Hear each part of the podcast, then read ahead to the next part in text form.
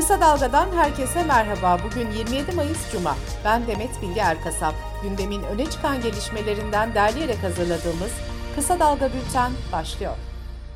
Cumhurbaşkanı Recep Tayyip Erdoğan, CHP lideri Kılıçdaroğlu'nun Türgev ve Ensar Vakıfları aracılığıyla Amerika'ya 1 milyar lira transfer edildiği yönündeki açıklamasına ilk kez yanıt verdi. CHP liderinin bürokratları tehdit ettiğini belirten Erdoğan şunları söyledi. Ana muhalefetin başındaki kişinin kullandığı yöntem demokratik hukuk devletine uygun bir yöntem değil. Kendisine oy vermedi diye kimi zaman kamu görevlilerini alenen hedef göstermektedir. Hukuk devletinde böyle bir tarz olabilir mi? Böyle bir kepazeliğe, ahlaksızlığa, rezilliğe asla izin veremeyiz. Bir cumhurbaşkanının ailesini hedef alarak böyle bir süreci işletmek akıl kârı değildir. Bu arada Cumhurbaşkanı Erdoğan'ın avukatı Hüseyin Aydın, Kılıçdaroğlu'ndan alınan manevi tazminatlardan 150 bin liranın Türge ve Ensar vakıflarına bağışlandığını açıkladı.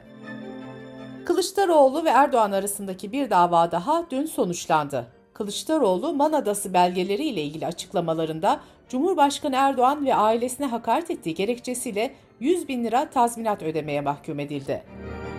Türkiye Marif Vakfı'na bu yıl içinde Milli Eğitim Bakanlığı bütçesinden 1.8 milyar lira kaynak aktarılmasına ilişkin Cumhurbaşkanı kararı da yürürlüğe girdi. Geçen yıl 1 milyar 77 milyon liranın aktarıldığı vakıf 67 ülkede 427 eğitim kurumu ile faaliyette bulunuyor.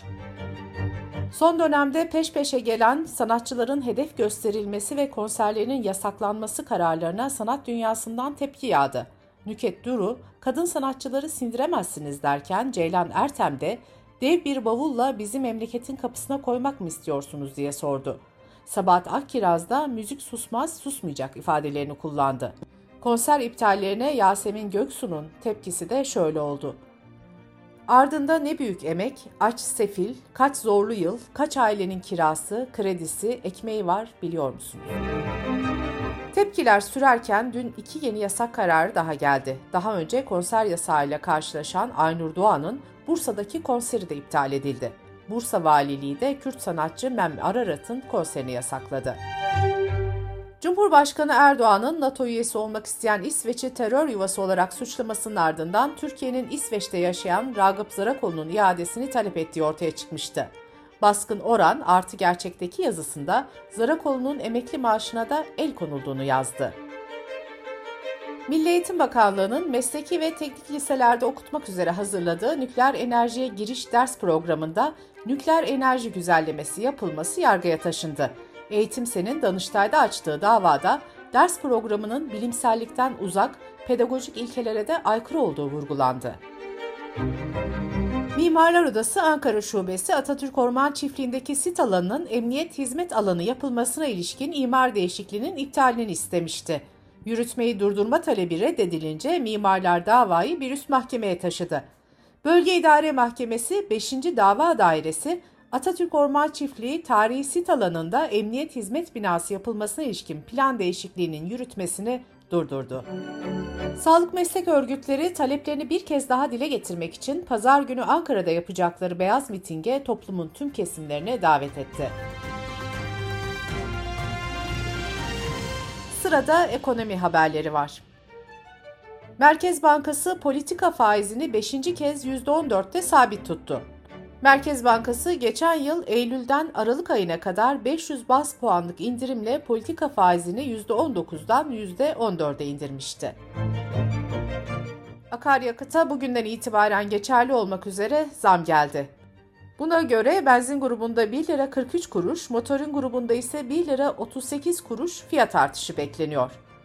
Önceki günde LPG'ye 36 kuruşluk zam gelmişti.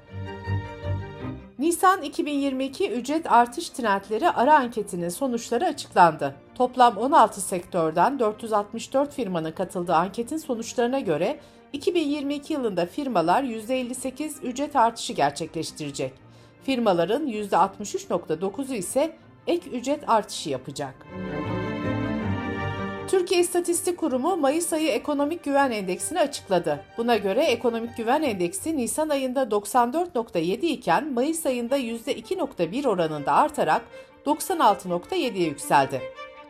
Endeksteki artış tüketici, hizmet ve perakende ticaret sektörü güven endekslerindeki artışlardan kaynaklandı. Ekonomik güven endeksinin yüzden büyük olması genel ekonomik duruma ilişkin iyimserliği, yüzden küçük olması ise kötümserliği gösteriyor.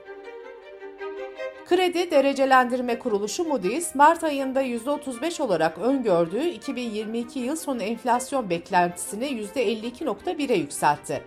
Merkez Bankası'nın düzenlediği ankette de piyasa katılımcıları yıl sonunda enflasyonun %57.92 seviyesine çıkmasını öngörmüştü.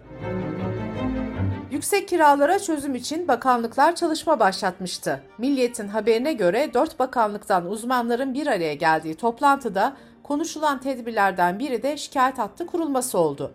Buna göre normalin üstünde ev kiraları talep eden ev sahipleri kiracıları tarafından şikayet edilebilecek. Aynı kiracılar hattın ucundaki uzmanlardan da hukuki destek alabilecek. İstanbul Planlama Ajansı'nın çalışmasına göre son bir yılda mevcut kiracılar için senelik kira fiyatları %45.8 arttı. Yeni kiralık konut ücretlerinin artış oranı ise %161.4 oldu. İstanbul'da yeni kiracılar için ortalama kira bedeli 6360 lirayı buldu.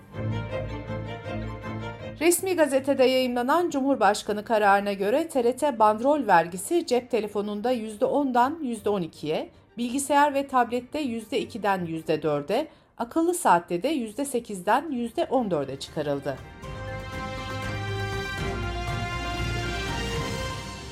Dış politika ve dünyadan gelişmelerle kısa dalga bültene devam ediyoruz. Dışişleri Bakanı Mevlüt Çavuşoğlu, İsrail ziyareti dönüşünde yaptığı açıklamada Suriye'ye yönelik askeri harekat konusunda mesajlar verdi.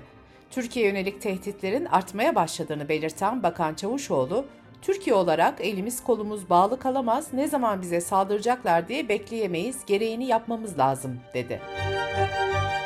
Rusya Devlet Başkanı Putin, Ukrayna'da ele geçirilen iki bölgedeki nüfusa vatandaşlık verilmesini kolaylaştıran kararnameyi imzaladı.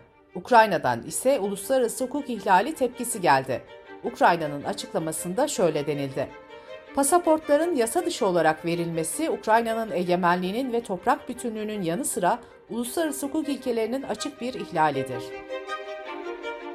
Amerika en son Teksas'ta bir ilkokulda 19'u çocuk 21 kişinin 18 yaşındaki bir saldırgan tarafından öldürülmesiyle sarsılırken ülkede bireysel silahlanmanın rekor oranlara ulaştığı belirtildi.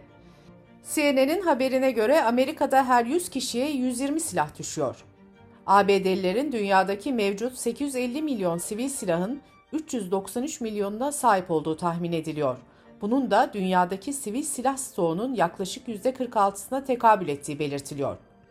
Amerika'da her 100 bin kişiden 4'ünün silahla hayatını kaybettiği ve bu oranın diğer gelişmiş ülkelerdeki ortalamanın 18 katı olduğu vurgulanıyor. ABD Başkanı Joe Biden son cinayetin ardından halkını silah lobilerine karşı durmaya çağırmıştı. Bu arada Biden, George Floyd'un polis şiddetiyle öldürülmesinin ikinci yıl dönümünde güvenlik güçlerinin güç kullanımını kısıtlayan kararnameyi imzaladı. İngiltere Başbakanı Boris Johnson, COVID-19 kısıtlamalarının ihlal edildiği Başbakanlık binasındaki partilerle ilgili istifa etmeyeceğini ancak tüm sorumluluğu üstlendiğini söyledi. Afrika ülkesi Senegal'de bir hastanede çıkan yangında 11 yeni doğan bebek hayatını kaybetti. Yerel basın yangına kısa devre kaynaklı elektrik arızasının sebep olduğunu, 3 bebeğin ise kurtarıldığını yazdı. Bültenimizi kısa dalgadan bir öneriyle bitiriyoruz. Eşit Haklar İçin İzleme Derneği ve Kısa Dalga İşbirliği'nde hazırlanan Yasaksız Meydan'da bu hafta Susma platformundan Sonayban, kültür ve sanat etkinliklerine getirilen yasakları anlatıyor. Kısa Dalga.net adresimizden ve podcast platformlarından dinleyebilirsiniz. Gözünüz kulağınız bizde olsun. Kısa Dalga Medya.